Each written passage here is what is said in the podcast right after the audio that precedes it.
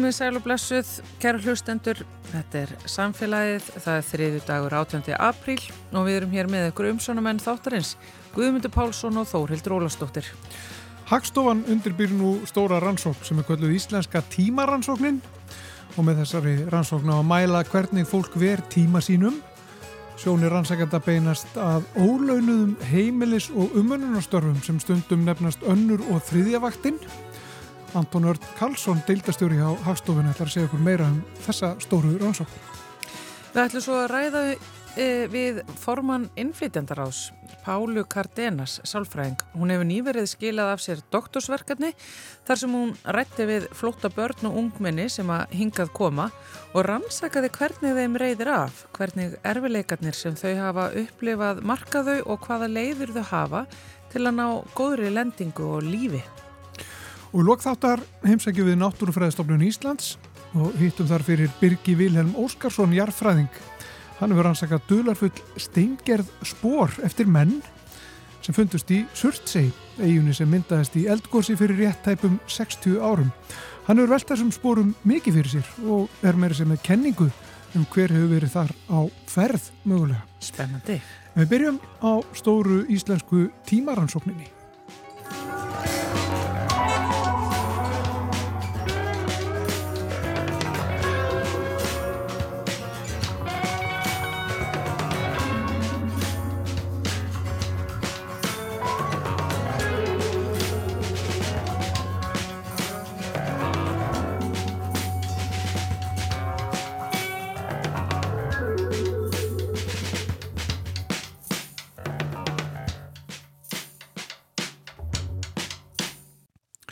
Þánasesturinn hérna hjá okkur Anton Örn Karlsson, hann er deildastjóri hjá Hagstofunni, verður velkominn til okkar. Takk hjá fyrir. Þið er að fara að stað með ansi stóra rannsók sem er íslenska tímarannsóknin. Hvað mm -hmm. stendur nú til? Herðu það er gaman að skilja spyrja. Við akkurat erum búin að vera að sinna svona undibúningsvinnu fyrir þessa rannsók sem við ætlum að reyna að, að hérna setja á stað núna næsta haust, svona senkt um hausti kannski, þannig að, að hérna, við ætlum að, að draga í úrtak að lámarki svona 3000 manns úr íslensku þjóðskráni það er svona algengt að, þegar úrtaksrannsóknir eru gerðar á hagstofuna þá tökum við úrtaki beint og þjóðskrá og erum þá að tala um landsmenn. En þessi tiltengarrannsókn, þó hún sé hérna, stóra mikið veg, hún er kannski lítilist niður með aðrar okkar rannsóknir, við erum alltaf að gera mjög stóra rannsóknir á hagstofunni þar sem við erum að spurja borgarna um alls konar eh, og ég má bara bæta þið við auðvitað hveti ég alla til að svara þegar hagstofan ringir, ég er hérna mjög mikilvægt, við getum ekkert gert á þess að fólk svari þegar við erum að, að hérna, gera rannsóknir á, á högum samfélagsins. En það sem við ætlum að gera þarna, þetta er nefnilega eins og segir, þetta er nýtt á Íslandi, hefur verið í gangi út um allan heim í lengri tíma og þetta er rauninni rannsók sem er ætlað að kortleggja svolítið hvað við erum að gera allan daginn. Uh, þessar rannsóknir hafa verið lagðað fyrir í Breitlandi frá því á sjönda áratöknum að lámarki, það eru langar tímaraðið þar og þetta fælst í rauninni bara í því uh, að við ætlum að, já, að spurja þig hvað varst að gera klukkan fjögur í nótt og hversu lengi varstu að því og síðan hvað gerur þau næst? Þannig að, þannig að það er svona grundvallar pælingin allavega að geta svolítið kortlagt þetta Já, og, tilgangurinn er meðal annars að, að kortleggja þessa, þetta sem hefur kallað uh, þriðjavaktinn og, og, og önnurvaktinn, þetta hefur verið aldrei í, í umræðinni undanfærið. Þetta þarf að kortleggja. Hárétt og sko, hérna, við erum mjög spennt fyrir að gera þetta verkefni hjá okkur. Þetta er náttúrulega, horfum að með svona öfund til nágrannlandana þar sem að svona rannsóknir hefur gerðið í langan tíma og hægt er að fylgjast með tímaröðinni. Þannig að við höfum séð til dæmis eins og í Breitlandi þar sem að, að það voru breyting á því hvernig uh, fólk er að sinna eins og heimilishaldi og svo leiðis að karlar hafi komið meira inn að, að sinna hérna barnagjæslu og uppeldi barna og svo leiðis heldur hefur verið áður. En það er akkurat eins og segir að, að við mælum náttúrulega launaða vinnu með öðrum hætti, við erum með vinnumarkarsson hagstofunar en við höfum mjög takmörku tækifæri til að mæla ólaunaða vinnu. Og það er einmitt vinnan sem fer fram oft innan heimilisins og, og svona verkaskiptingi þar er eitthvað sem er áhugart að kortleggja líka. En síðan er það þriðavaktinn og, og það er hérna uh, það er áskorun að mæla hana af því að það er oft svona skipulagslegi þátturinn af þessu öllu saman og, og við, við höfum svona aðeins í hópnum sem við vorum með í tengslu með þessa þennan undibúning og þá veltum við upp ímsum hugmyndum um hvernig við getum nákvæmlega fundið út úr því hvernig við ætlum að mæla þetta. Því þetta er eitthvað sem er ekki mælt að öllu jöfnu í tímanótkunaransóknum og þess vegna erum við mjög spennt að vera að prófa þetta svona í fyrsta skipti á Íslandi. Uh, ef við má bæta líka við að það sem er sérstaklega áhugavert uh, hérna er þegar fólk er að gera tvent eða meira í einu og til dæmis getur maður að sé fyrir sér eitthvað sem er að, að hérna, elda matinn heima á sér en við leið að hlýða börnunum yfir eða, eða jafnvel að gæta þeirra með einhverjum hætti. Þannig að þarna aftur erum við komið með ákveðna mælingu sem verið mjög áhugur að sjá og ég hef meitt kerðað eftir bíl hérna leðinni og þar var uh, manneskja sem satt í stýrið en um leið var hún að sína barninu í aftursætinu, poka með poppi, hún var að sína því snuðið, hvort barninu vildi fá eitthvað að drekka og þess áttar og þannig aftur erum við komið að við komandi var það klálega að ferðast en var líka að sinna barninu um leið. Þannig að það er þetta sem er svo hrikalega áhugavert og að geta brotið þetta sér niður eftir svona líðfræðilegum breytum, fjölskyldugerðum, búsetu á landinu, tekjum og, og öðru slíku. Þetta er náttúrulega, gullnáma og ótrúlega áhugavert fyrir samfélagsumræðina en ekki síður fyrir einmitt stjórnvöld í ákvarnatöku og stefnumótun. Mm. En hvaða reynslu hafiði frá svona sambarilegum rannsóknum uh, erlendis frá uh, þar sem þú segir að þetta hefur verið gert áður? Mm. Hvernig fólk svarar? Eh, af því að þetta er kannski aðeins öðru sem heldur hann að segja hvað keftur síðast þú fórst út í búð. Eh, þetta með sko oft finnst sumum inn á heimiluna þau séu að gera miklu meira heldur en þeir eru raunverulega að gera mm. og mm. aðrir sem á kannski bekjana einmitt ekki að þau eru að gera þrjá hluti í einu.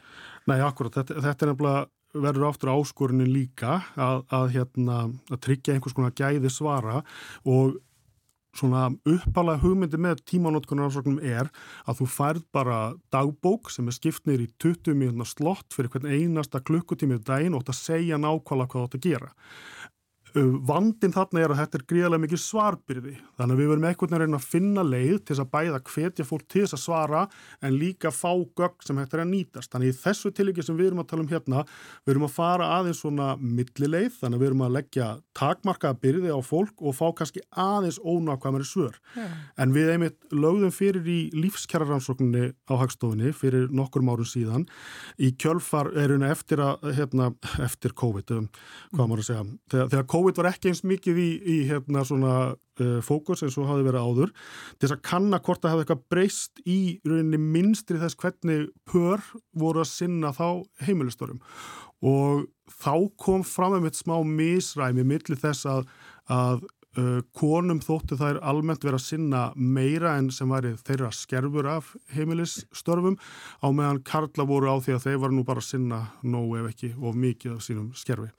Og þarna komin alls konar hillandi hlutir eins og svona hvernig þú vilt svona koma sjálfu þér á framfæri í gegnum spurningalistarannsóknur og þess áttar uh, það er til eitthvað sem heitir félagslegur æskileiki, social desirability og það er með þetta, við lifum svolítið á þeim tímum að, að hérna, það er þetta verður áskorunni sem við þurfum að takast á við. Já, þetta, þetta er bara eins og að fá áhrifavalda til þess að sína raunverulega frá lífið sinu, sko. Eh, þetta er örgulega sama, sami mekanismin hann á bakvið, sko. Ég hef ekki, ekki rannsakað það sérstaklega, en það er akkurat það sem ég, er. Ég myndi aldrei posta ljótri mynda mér á, á samfélagsmiðla. Akkurat, en, en, en kosturinn er þarna heins og að sá að hérna, á samfélagsmiðlum þá get ég sendt séð hver þetta var. Þetta var þáttastjórnandi í útarpinu og, og hérna, er hægt að reykja til einstaklingana og ja. það er mikilvæg þátturum í þessu að þú ert svolítið falinn bara í svona hafi annara. Fólki er óhætt að treysta konunum frá hagstofunum. Ef það er einhver í þessu samfélagi sem ættar að treysta þá á það hagstofan og það að við pössum gögnin og pössum upp á að engin verði hérna fyrir nefnum miska því að taka þátt í okkar ansöknum. Já, Já. en við vitum líka sko að fólk er spurt að hvernig hvort það sé eh, góðu bílstjórar, já, þá segir fólk yfirleitt uh, já ég er bara mm. mjög góðu bílstjórar en, en aðrir svona í umferði þeir eru yfirleitt ekki eins góðu bílstjórar. Nei, akkurat, ég held að þetta heiti er það ekki Lake Wobegon áhrifin? Að, hérna, að fólk er yfirleitt alltaf helmingi herr en, en hérna, meðalæði og svo leiðis og lengi vel var það þannig að það þótti mjög aðdánuvert að eiga bókasafskort þannig að kannanir á, á hérna, eigin bókasafskorta þær, þær voru mjög skektara þegar fólk vildi hérna segjast eiga bókasafskort ég er ekki vissum að það eigi við enn þann dag í dag. En, en þetta líka hefur komið eins og, eins og í, í hérna rannsóknum á, á kynheilbriði og öðru slíku að þá um þetta eru fjöldi hérna, bólfélaga oft mjög ólíkir eftir því hvort kynið eða hvort kallar eða konur eiga í, í, í hérna er að svara. Mm, og, og, Það gengur ekki upp kannski það, það, ég, ég veit það ekki alveg, ég ætla ekki að fara neitt lengur það en, ég ætla ekki að leggja báta það. En það er líka þetta með sko og, og þarna fyrir aftur inn á þetta sem Hagstónum er mjög skemmtilegt að pæli og það eru skilgreiningarnar. Og það er það sem er líka svolítið skemmtilegt við þessa, við þessa rannsókn að þegar við hugsaum um það hvað við getum gert yfir daginn þá náttúrulega sjáum við fyrir okkur bara litróf, bara óteljandi hluti sem við getum gert en hagstofnum segja nei, nei, það eru 25 hluti sem við getum gert yfir daginn og við ætlum að fá þess að flokka allt sem þú gerir inn í þessa 25 flokka mm -hmm. þannig að það eru segjant hérna, eins og þetta að vinna fyrir launum, það eru þessi ógreittu að vinna sem við erum að mæla líka en síðan er það líka þetta að, að sjá um hérna gæludýrin hver er það sem fyrir út að lappa með hundin og hver hérna þrýur hamstrabúrið og, mm. og það er líka þetta hver hver hefur tækifæri til að fara á menningarviðbúri eða, eða kíkja á völlin eða þess áttar. Þannig að allt þetta ætlum að mæla og reyna að, að, að finna þá út úr því hvernig fólk er að skipta tíman sinum niður eftir þessum hlutum. Já, maður rýmdi sér að þetta séu mjög gaglegar upplýsingar og getur komið að góða notum við bara, bara í mjög víðum tilgangi. Það er akkurat það sem við svona gungum svolítið út frá. Eins og ég segi, þetta hefur verið svona draumur okkar að fá að gera rannsóknir þessu tægi, við fáum tækifæri til þess núna með þessu samstarfið fósættisaranditi en síðan er það 2029 sem hljómar eins og ég sé að segja eitthvað vísendaskaldsögulegt en, en það er bara að handa við hotnið að þá mun þetta vera hérna uh, lagaleg skilda sem kvílir á, á Íslandi sem það skila gögnum fyrir tíma notkunarrannsókn rétt eins og fyrir önnu lönd innan Euróska hagskíslu samstarfins þannig að meðan þessi rannsókn út af fyrir sig. Við ætlum bara að skoða þetta fyrir hérna, þá sem eru búsettir á Íslandi og getum skoða þá til mismöndu hópum að þá verður þarna upp úr 2030 þá getum við farið inn á heimasvíu Eurostat sem er hagstofa Európa-sambandsins og borið þá Ísland saman við önnu lönd og þá getum við fyrir að sjá þetta veist, með eins og, og jafnbreyttismál og ólaunaða vinnu og annað slikt og mm. það held ég að verði afskaplega áhugart þannig að hérna, ég kannski kem aftur hérna eftir hvað, 7-8 ára Já, alveg við verðum hér en, en sko mér heyrist að þú sést bara hans í peppaður sko, þú ert bara, ég bara get ekki beðið. spenntur fyrir þessari spenntur fyrir að fá að gera þessu konu bara algjörlega. Og, og eins og ég segi, þetta hefur alveg frá, ég held í 2010 þá hefur maður svona verið að hérna, verið spenntur fyrir því að Hagstofan fá að gera þetta, það eru svona ákveðin hluti sem gerir mann er fyrst hagstofu að hagstofu mm -hmm. og tímanótkunar rannsókn er eitt af því. Þetta er alveg virkilega spennend og þetta fyllir upp í svo mörg gött við annað sem við höfum að því að það sem, er, sem ég er ekki búin að minnast á hérna líka sem er hrikalega áhugart er það að við spurjum um samt hvað þetta gera og varst að gera eitthvað um leiðu varst að gera þetta. Það er líka spurt um varst að gera þetta með einhverjum öðrum? Þannig að eins og til dæmis að þú ert á ferðalagi varstu með einhverjum öðrum um ferðalagi? Og síðan er þessi hugmyndi líka að spurja hvernig leiði þér með þú varst að gera þetta Þannig að ofta er þessi hugmynd líka, já, já, það eru kannski einhverju sem hafa gaman að því að, að hérna, sinna heimilisverkunum. Mm -hmm. Og, og þrýfa hamstrabúr. Við getum bara að melda og séð bara hennilega, er, er það virkilega svo að fólk skipti þessum verkum millir sem vegna þess að það er bara einhver sem er svo gaman um þetta þrýfum á hamstrabúri? Nei, nei, nei, alls ekki þrýfa þessu golf. Ég er búin að vera að geima þetta alla vikuna að fá að gera þetta hérna. Akkurat, þetta er tilvalin hérna lögadags svona hérna skemmtun. En það, þetta ætlum við að reyna að, að mæla þá líki í þessu og, og síðan alltaf bara Ég var bara að hugsa um það leðinni, að hugsa líka um hversu fólk uh, sefur, hversu, hversu, hver, hver er svepp lengti. Við munum ekki fá þetta nákvæmlega, kannski nefnir á mínútu eða þannig, en ég held að það getur verið mjög forunilegt bara hérna, hafandi átt uh, börn hérna einu sinni og, og, og svoandi lítið þá. Það, það getur verið mjög forunilegt að sjá til dæmis og, og að meta sig hann líðanina út frá svepplengtinni. Ég held að þarna séu mjög áhugaveru hluti sem við getum lagt í. Wow. Þetta er æsi spennandi. Hvenar byrjiði uh, aftur? Já, við ætlum að, við ætlum að hérna, hefja gagnasöfnu, við erum að, ætlum að sapna þá gagnum í einn mánuð og það verður þá, ég er svona á vona því að verður oktober og november, en eins og með öll plön þá geta þau alltaf breyst, en þetta eru svona þægilegi mánuður af því að mm. það er mhm. ekki sumafrí og það er ekki jól í þessum mánuðum, þannig að við erum að reyna að velja eitthvað svona sem er pínu döl, döl mánuður yfir árið. Venjulegur mánuður. Venjulegur mánuður, hérna, einmitt, og, og síðan ætlum við að reyna þá að gefa út niðurstöðu bara í byrju næsta ás, þannig að við erum að stefna á fyrsta ásfjörðung og það er ákveðin kostu við það hvernig við erum að setja þessa rannsókn upp, það kallar ekki að mikla eftirvinnslu eða kóðun sem er miklu meira eða bara með opinsvör, þannig að þarna sjáum við svolítið fyrir okkur að geta hraðað svolítið þessar úrvinnslu. Já, ég get ekki betur að fá að horfast í augu við þjóðuna ha, bara að sjá hvað hún segir um, um sig. En gaman að fá því heimsókn Anton Ört Karlsson, deildastjóri hjá Hagstofunni. Þetta er spennandi, spennandi verkefni. Svarið þessu, þegar fáið þetta. Já, Takk endilega, takk að þátt. Takk fyrir komuna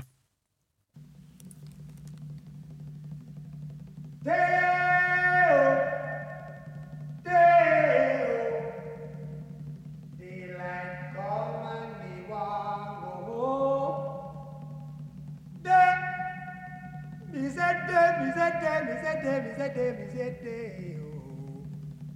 Daylight come and me want go home. Work all night and a drink a rum.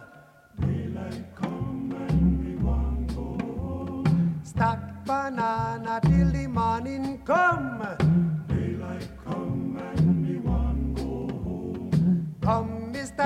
Mr. Tallyman, tally me banana. Daylight come and me want go home. Come, Mr. Tallyman, tally me banana. Daylight come and me want go home. Live six foot, seven foot, eight foot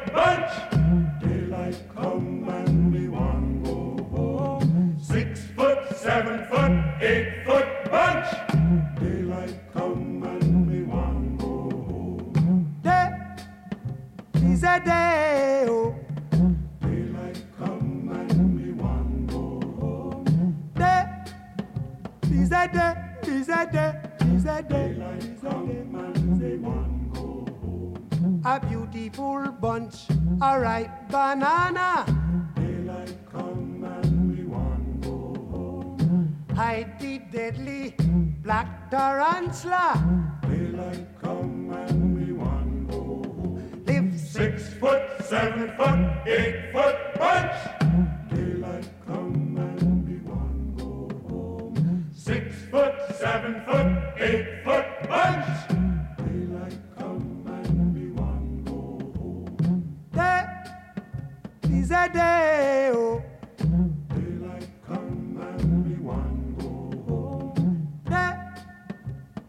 Lizede, Lizede, Lizede. Come, Mr. Tallyman, tally me banana. Daylight come and we want go home. Come, Mr. Tallyman, tally me banana.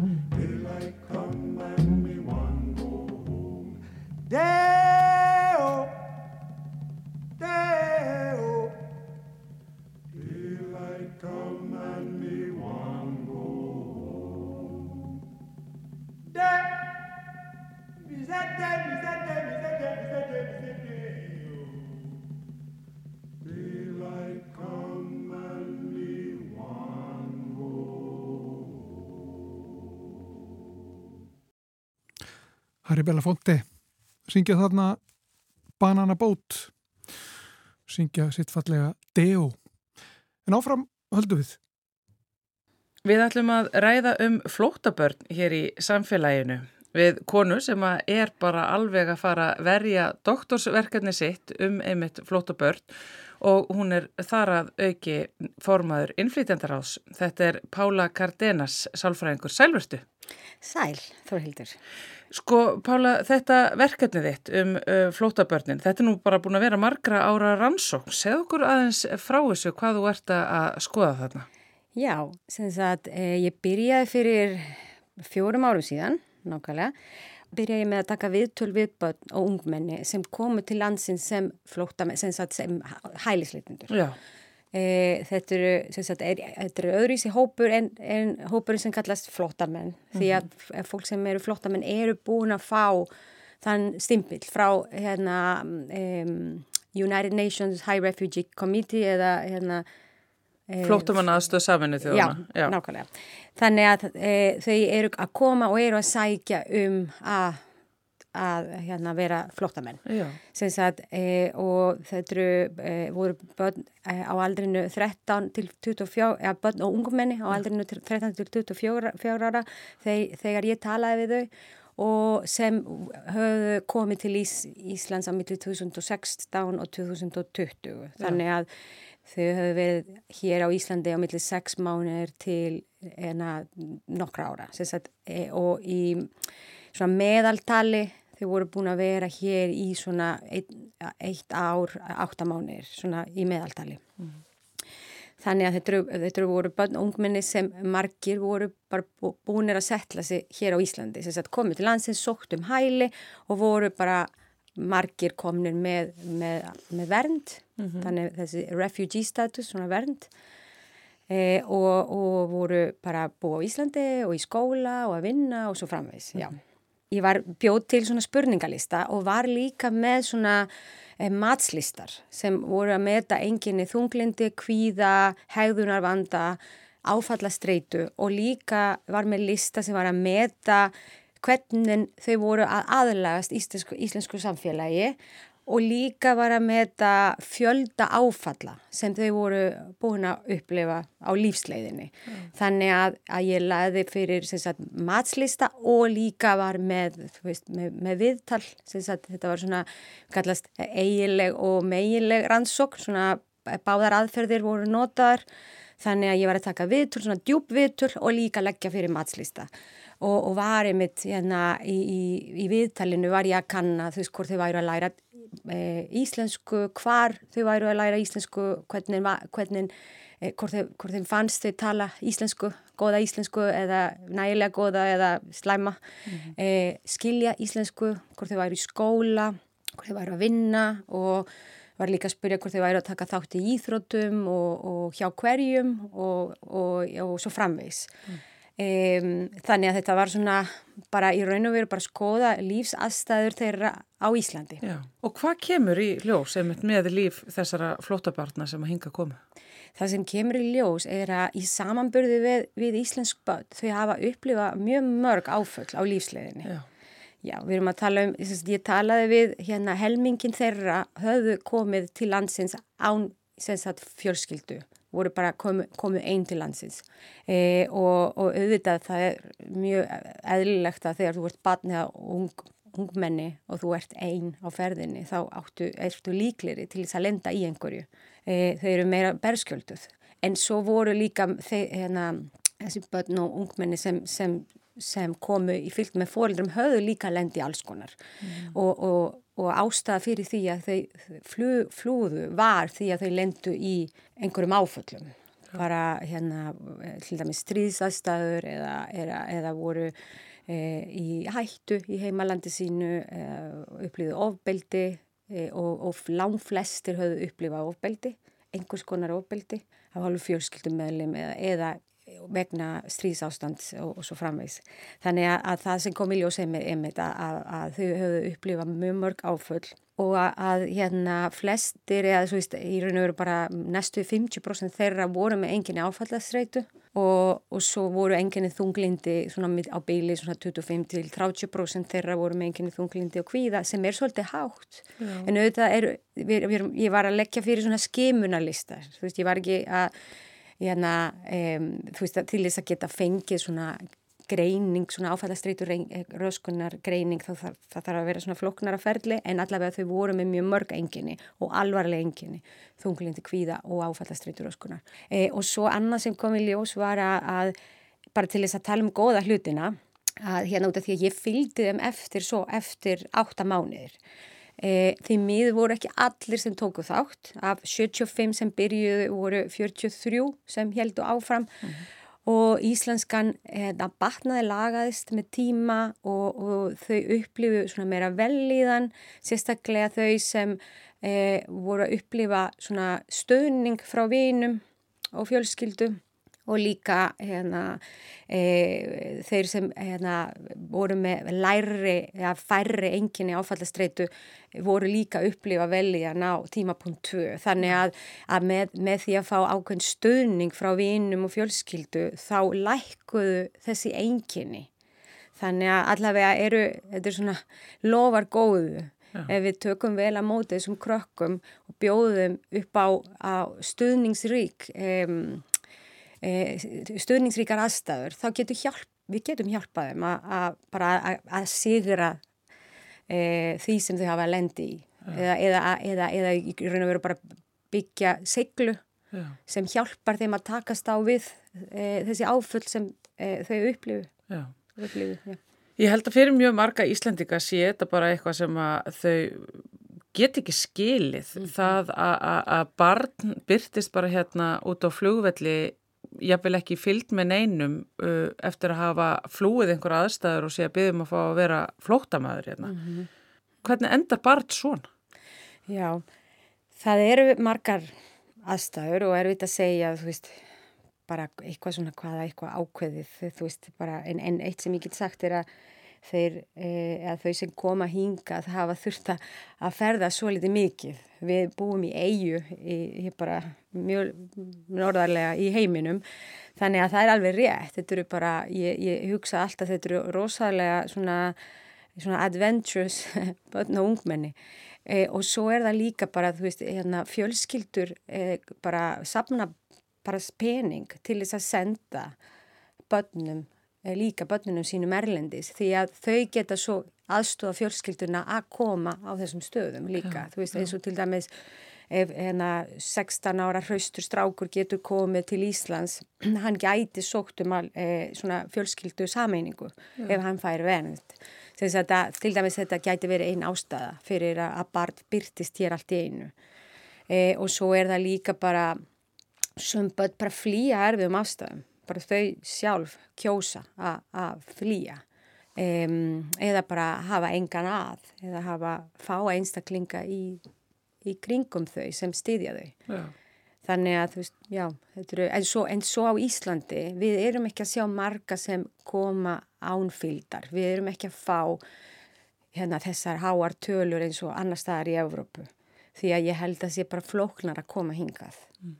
Sem sagt, flestir sem koma hingað koma í fylg með Já. fóreldrum eða fóreldramannum, já.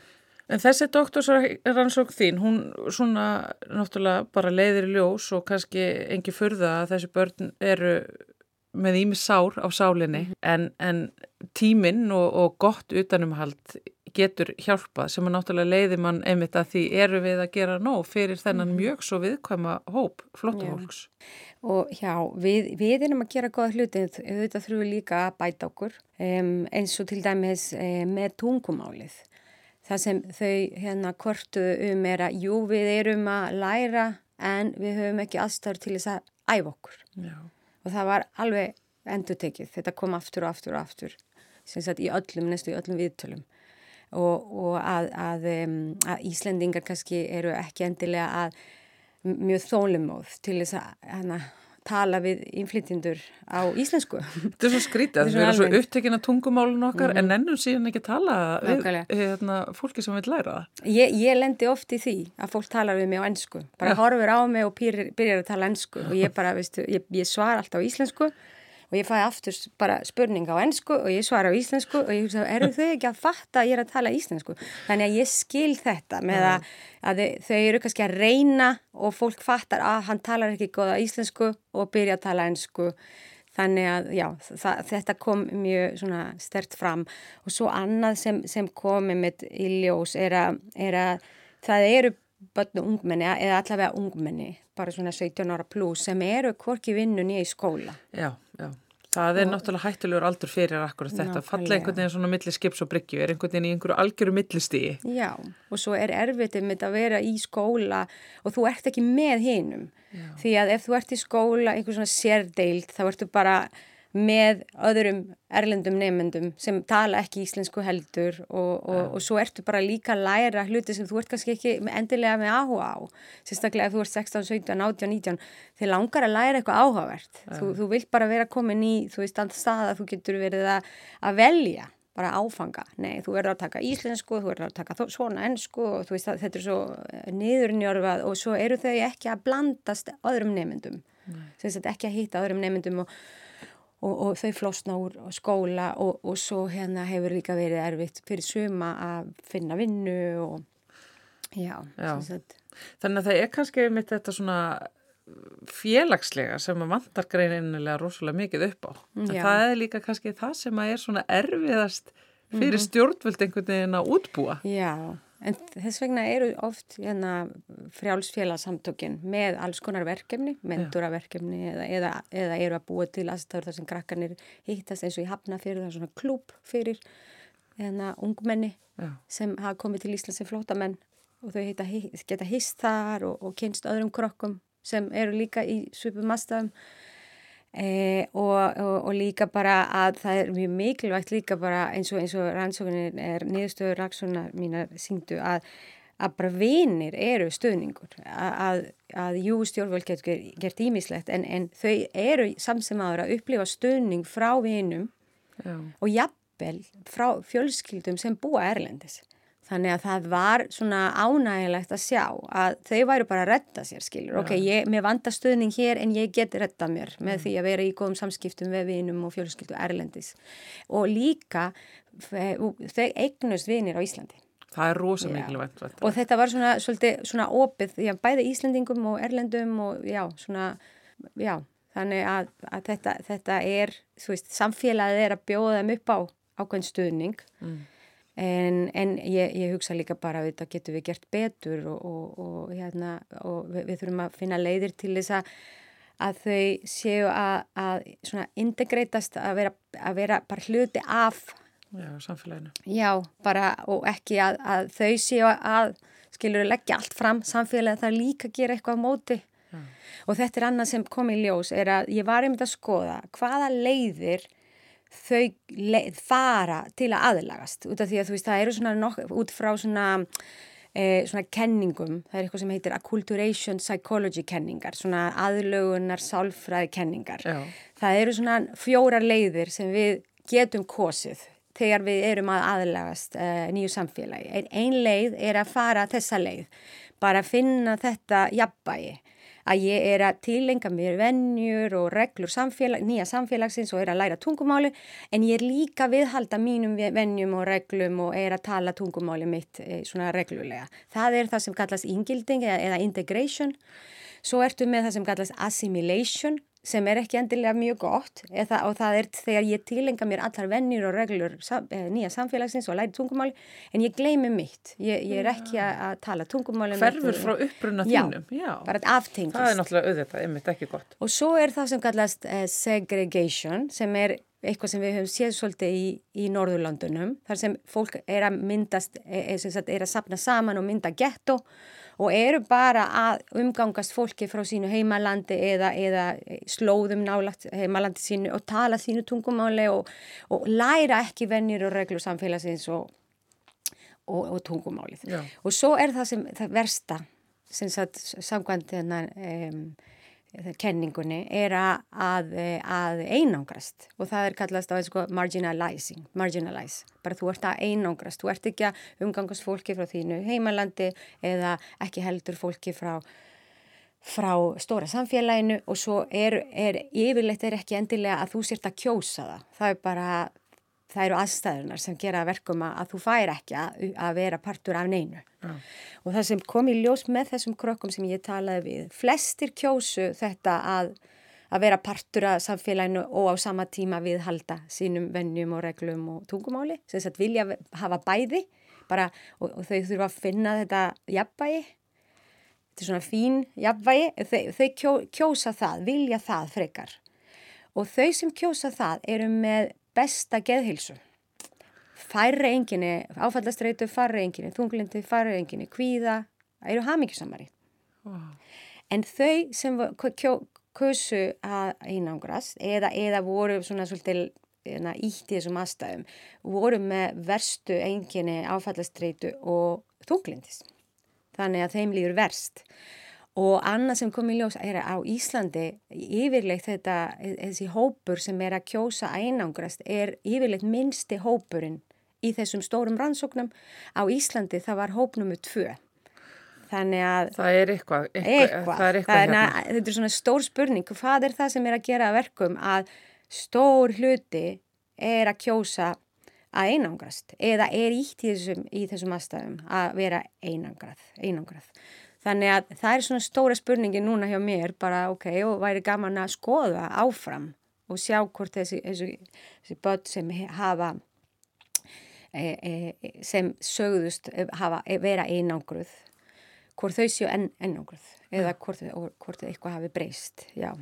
Og er einmitt þá einmitt bæði eitthvað sem að þú skoðar þá áfram í þínum fræðistörfum og síðan þá einmitt sem formaður innflýtendar á, sker ég ráð fyrir? Við erum líka núna að, að, að, að í, í þessu stundir eru við að búa til stefnu um innflýtjendamál og flottamannamál sem sagt e, og, og við erum sagt, að hýttast reglulega og, og ræða þessa hluti, hvað við getum gert til þess að bæta aðstæðum fólks hérna sem búa á Íslandi, sem sagt fólk, erlendum uppruna sem búa á Íslandi. Og, og hvernig getur við líka tekið betur á móti fólki?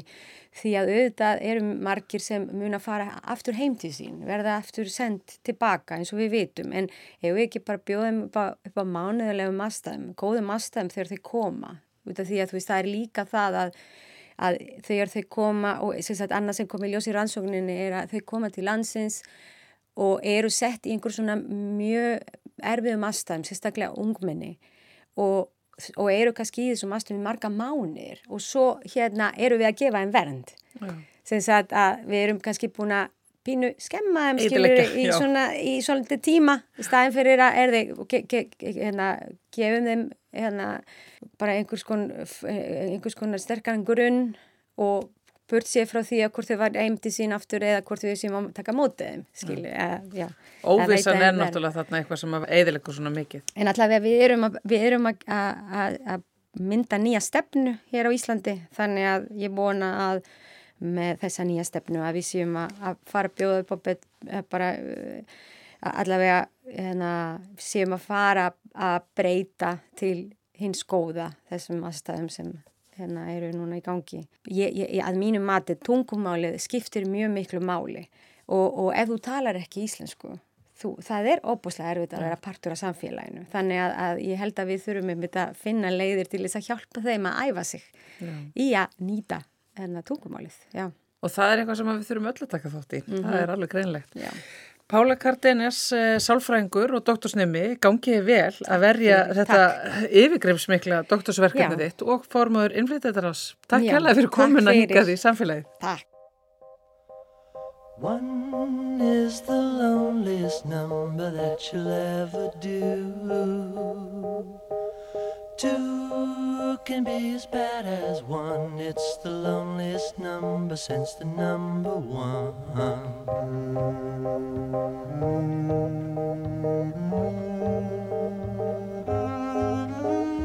No is the saddest experience you'll ever know. Yes, it's the saddest experience you'll ever know. Because one is the loneliest number that you'll ever do. One is the loneliest number that you'll ever know.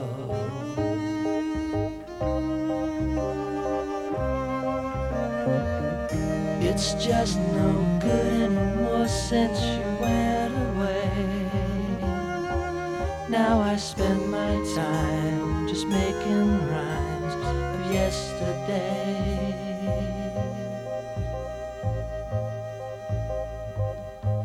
Because one is the loneliest number that you'll ever do. One is the loneliest number that you'll ever know.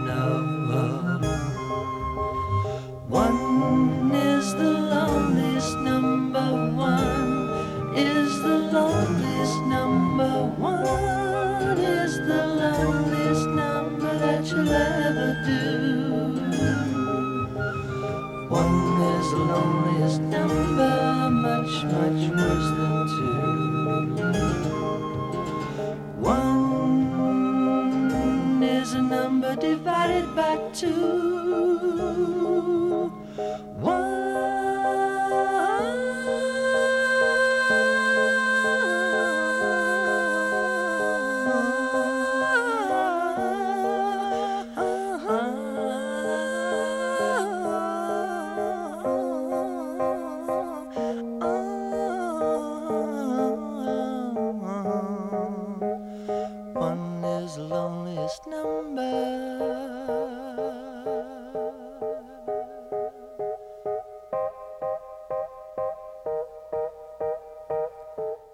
Þetta er Harry Nilsson.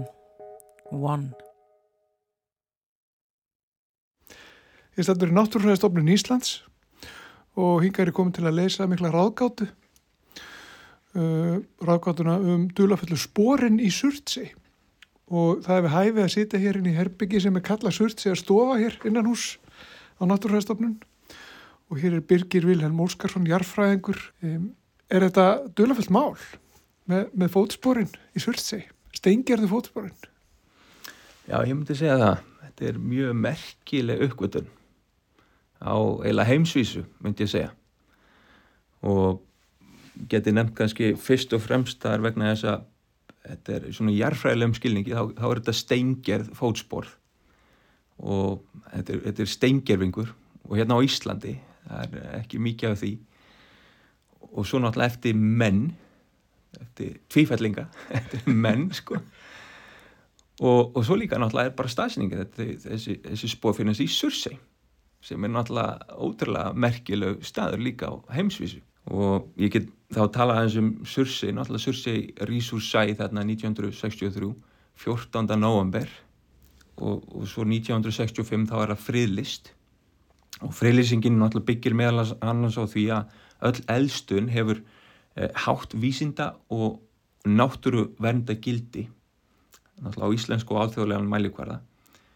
Og, og þannig eru einstakar náttúru minjar og fara fram rannsóknur og, og, og vöktun á landnámi dýra og plantna.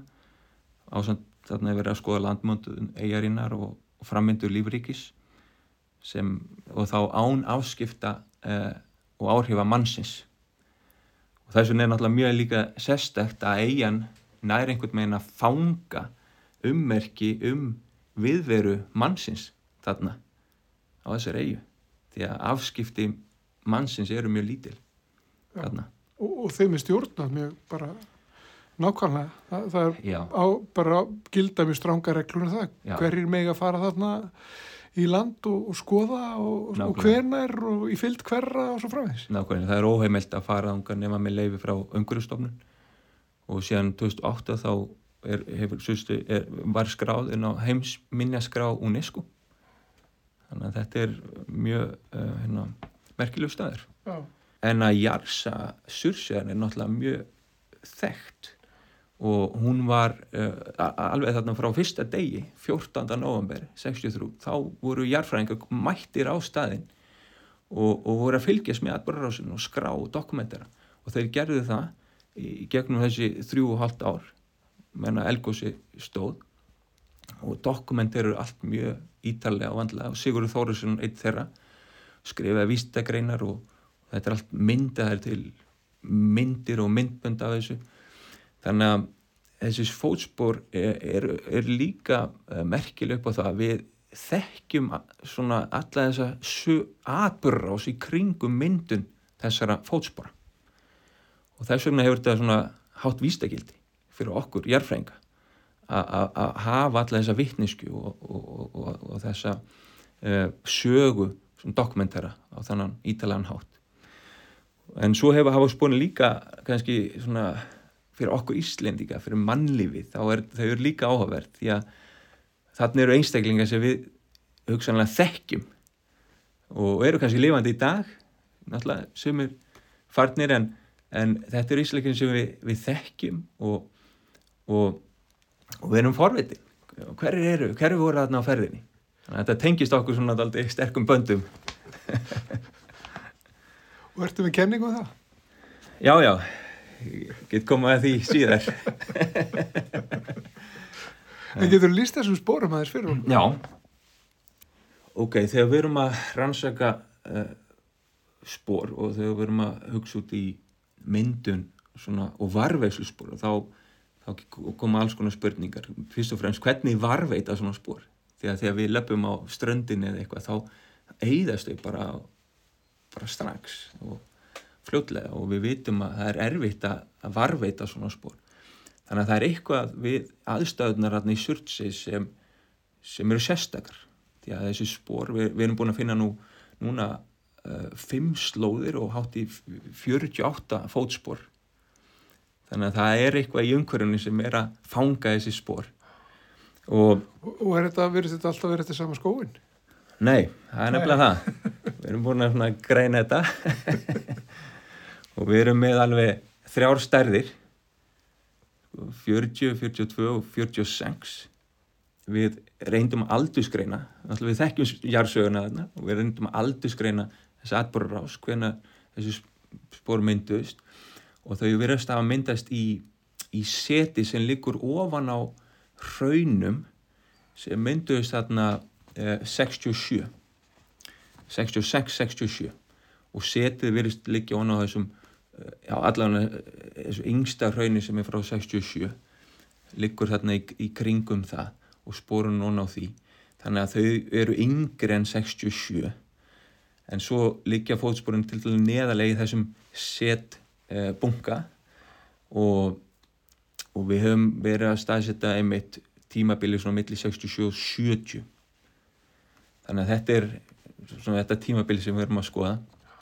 Og, og en, en svo náttúrulega eitt sem er já aðstæður hafa verið sérstakar upp á það að það hefur verið einhver raki í jarveginum til þess að, því að jarvegin þarf að vera mjúkur eða gjós, gjóskan þarf að vera mjúk til þess að fanga en hún má ekki vera of mjúk annars náttúrulega eðastau og ekki of hörð annars náttúrulega verði ekki til fótspor.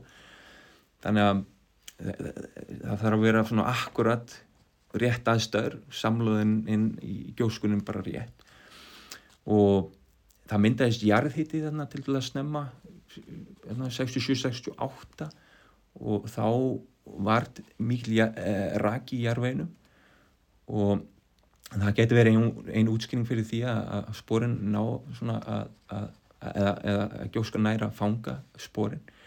En svo er líka mikil hreyfing þarna fyrstu árin eh, þessi tveiri gjóskubungar sem mynduðist í elgósunu það eru tveiri gígar og gjóskubungar náttúrulega í þessum gíjum það var fyrst, á fyrstu árunum var mikil hreyfing í þessum gjóskubungum þetta er náttúrulega bara sandur sem er bara hreyfing og þessi sandur var að sapnast fyrir þarna í, í, í gíjónum og í skálunum umhverfis þessa gjóskubunga þannig að það var mjög mikil hreyfing og þeir, þetta setverist hafa þá grafið fósporun til dæla hratt. Kannski bara einum stormi eða eitthvað svo leiðis þá, þá leggst eitthvað yfir, þá leggst efni yfir, yfir yfir fótsporin. Hratt og þau varveitast. En svo er annaferli sem tekur við og það er Móbergsmyndinni og það er jarðhittin hann er náttúrulega uh, að hérna virkur í, í fjallinu og, og, og verður sérstaklega áberandi eftir 68 og hann er að ummynda gjóskuna í Hartberg og það gerist mjög hratt líka. Það var eitthvað sem menn tölda að tæki bara mörg þúst ár en, en það er bara að gerast þarna bara fyrir framann augun á manni. Og innan við tíu ár þá er bara 60% af gjóskubunkunum orðinir bara móbergi, hörðu bergi. Og þú lappar þarna í dag þá finnst þetta bara að vera gamalt dót.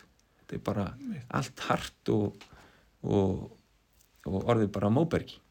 Eins og við sjáum hérna í kringum okkur hérna á Reykjanesinu og upp á Hálendinu allt þetta móberg í, í móbergstöpunum þar og sko 60 ára gömul eiga er ekkert gömul eiga er ekkit gömulega, nákvæmlega. það er bara Þannig í jarsögunni afskaplega stöldi tími. Og svo fer rofið náttúrulega að virka. Það er náttúrulega mikið vindróð þannig og það skefur af uh, fiskgjóskun og svo móberginu. Já. og núna er þessi fótspor að koma í ljós. Og, og er þetta ný uppgötun þessi fótspor? Þetta er ekki eitthvað sem að hefur bara menna að vita frá 1970 sko, já, sjö, í kringu 78-79 þá var einn jarfræðingur sem heitir uh, Sveitn Jakobsson. Hann var einmitt að ra- rannsaka móbergsmyndunina þarna í Sjörsjó hann tók eftir svona sporum sem hann, svona já hann grunaði að það væri spor eftir, eftir menn. En hann var ekki viss því að það eru líka önnuform í fjallinu eftir nýlingas þetta er, þetta, er, grjóð sem hefur komið upp úr, úr uh, hérna, hafsbotninu með sprengingunum. Og, og það hefur lent svona á gjóskubunkunum það skilur eftir sér far. Og, og það er svona stundur lítur út eins og Já, já. en þetta er náttúrulega svona handahófskent sko, dreifingin. En þessi spor, þessi slóður eru mjög greinilegar. Dreifingin er jöfn og, og við sjáum alveg að þarna eru þetta er bara slóð. Er bara slóð. Og við höfum farið mitt í það göngugreina sko, þessi spor. Og þá sjáum við til dæmis við sjáum til dæmis munin á því þegar einstaklingurinn er að ganga á jafnsléttu þá fara spórin svona í sitt hvort áttina þannig að einstaklingurinn er útskefir Já, já, já. og við sjáum það greinilega. Svo, en þegar einstaklingurinn lappa upp brekku eins og það er ein, í, í ein, einni brekku þarna átjángráðu brekku þá eru spórin svona til hliðar. Með því við einhverja svona miðlinu þá bræða spórin svona í sumu áttina. Því að einstaklingurinn er ganga upp brekku. Já. Við með, með þessi gerum smá tilraun þarna og löpum í setið þarna við hliðin á þessum spórum nánast þarna í, í, í Sursei í gjósku og, og bjökum til þrývita líkan og, og kortluðum okkar spór, þetta voru mín spór í, og ég er í starf 46 og við mældum síðan skreflengdina og í jafnslettu og í brekku og, og gerum svona smá tilraun út úr þessu og bárum síðan saman því að þarna eru líka spór í, í starf 46 þannig að við höfum þennan samanbur og það er pössuðu saman þessar mælingar Já. Þannig að þið það nú farið alltaf djúpa, djúpa, greiningu. greiningu. Það eina sem við gerum ekki það var að persónugreina einstaklingana út frá þessum spórum Já.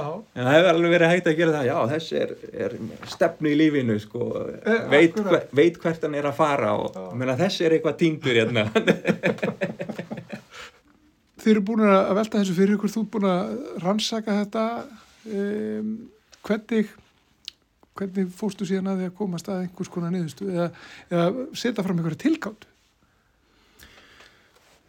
Já, það voru náttúrulega nokkri sem svona, voru búin að sjá þessi spór og, og, og, en þegar ég fer hérna 2019 og er að kortleggja eiguna, við erum að nota það á drónatækni til þess að kortleggja eiguna búið til þrýfta líkun og hæði líkun og þá nota ég þessa tækni til þess að mitt mynda spórin og þá komaði greinilega fram í, maður sér það út frá þessum hæðalíkunum alveg slóðina og og þá fekk ég með mér til þess sko, stengjaringafræðing sem, sem er hérna hefur verið að rannsaka risælu fótspor. Þannig spánveri en, að kollegi og, og við förum bara og, og náttúrulega gerum smá rannsókn út úr þessu og dokumenturum þetta svona ádaldið vístilegan hátt. Skrifum um þessa rannsókn í Sursei Research þannig að þetta er skráð og dokumenterað vístilega okkur fannst það mikilvægt Já. að gera þannig. Og þá fundum við einmitt sko, menn vissu af einhverjum tíu spórum þá en þá fundust þarna tvær nýjar slóður og, og einhver 30 spór og eitt er alveg einstaklega fallegt alveg það, það hefur greinlega myndast í einhverju svona drullu. Maður, sé, maður sér alveg nákvæmlega sko útlínur uh, skósins. Eða, eða það getur verið stífvel, ég veit ekki henn. og þetta er einmitt sko starf 42 og gæti, við erum svona dálítið, lítur út fyrir að vera stífvelaspor og það er einn jarfræðingur og við tölum núna um tilgátur sko, hverjir voru þarna á ferðinni. Það var einn jarfræðingur sem, sem var mikið þarna og það er hann Sigurður Þórarinsson. Og hann var einmitt í starf 42 og já, hæð svona 1.70 og frekar lágvaksinn en, en, en hann var mikið þarna. Að að- að rannsaka eiginu alla meðan á góðsunu stóð en hann var líka þarna fór átta sinnum til dæmis árið 67 þannig að hann er alveg kandidat sko að eiga eitthvað af þessum spórum þannig að það er, það er svona að mínum að þetta er aldrei skemmtilegt ef það er hægt að tengja þetta við hann Já. Segðu bara hans frá honum. Var hann mikill frumkvöðl í þessum rannsóknum? Já, hann, hann er það og metnaður í, í, mikil metnaður í sínum vísta rannsókn hann já, er, er mjög, verður mjög þekktur þarna í kringum Surtsjögósi fyrir sína vinnu þar og en svo náttúrulega er hann kallar svona fadir gjóskulagafræðinar rannsækaði gjóskulag hérna og þær, og við notum þær til þess að aldursgreina til dæmis uh, fornminjar hérna á Íslandi og aðra hluti. Og, og var mikið þannig kringum heklu. Þannig að hann er vel þekktur Já. á heimsvísu. Og það væri nú bara, skemmtilegu karakter, söngvari og svona karismatískur sko. mjög skemmtilegur og, skemmtilega lýsingar frá honum. Var mikið í fjölmjölum einmitt, að að lýsa elgósinu þarna í Sursi og svo líka heima í þannig að það væri bara reynilega bara mjög skemmtilegt ef að eitthvað af þessum sporu til er í honum Já, Og viðeigandi. það, það væri það, Já. það væri það. og þau, þessi sporu verða þarna Eitthvað áfram. eitthvað áfram veldalega Já, eh, bara rétt í lokin sko við sittum hérna inn í eh, því sem við kalla hérna innan hús hússtjárstofa, það er um, þetta er bara svona lítið herbyggi, en hér er hér eru síni og, og kassar fullir af af, af ímsu eh, myndir og, og ímislegt sem eru tekið eh, í sursi það er alltaf eitthvað nýtt alltaf sem að- eitthvað nýtt. já, Þessi fótspor komið aldrei á óvart því að við heldum að við værum svona eiginlega búin að rannsaka allt í Sursei. Svo koma fótsporin fram og þá erum við bara átt okkur og það er kannski heilmikið eftir sem við þurfum að rannsaka og sem Sursei mun gefa okkur til framtíðaðis kynslaða. Þannig að þetta er eigið sem heldur áfram að koma óvart. þannig að eh, er þá í þínum huga ráðgátan um, um sporin dulafullu steingerðu í sursi er svo ráðgátan leist í þínum huga að einhverju leiti að einhverju leiti en það eru ennþá spurningar fyrir einhver aðra kannski að skoða? Birgir Vilhelm Óskarsson, jarfræðingur hjá Náttúrúræðistofnun Íslands. Eh, gaman að hafa komið heimsókn til þín og takk fyrir að segja okkur frá þessum dulafullu sporum og, og rannsóknum ykkar eh, á þeim. Mm Takk. Já, Dulaföldu spórin, ráðgatunum þau leist uh, æsi spennandi. Þetta er hægt spennandi mál. Já, já. og, og Bara og- segi það eru bara bráð 60 ár Já, já. frá Sursegagorsinu það verður núna í haust Já, þá verður nú húlum hæ, gerir á fyrir í Það verður ekki- ekki útiháttið í Surseg það hlýtur að vera. Öllum hleyfti. Öllum Nei, það er hleyfti. ólíklegt. Nei, nei, það verður kannski, kannski 6 til 8 manna já. ekki, ekki Mm. fleiri. kannski einn með gítar og, og sög að syngja tralla en við ætlum að fara að segja þetta gott uh, í dag, við komumst ekki lengra með samfélagið. Já, við ætlum samt að koma hérna bara aftur á morgun. Við Guðmundur Pálsson og Þórildur Ólistóttur og segjum þanga til. heyrust á verið sæl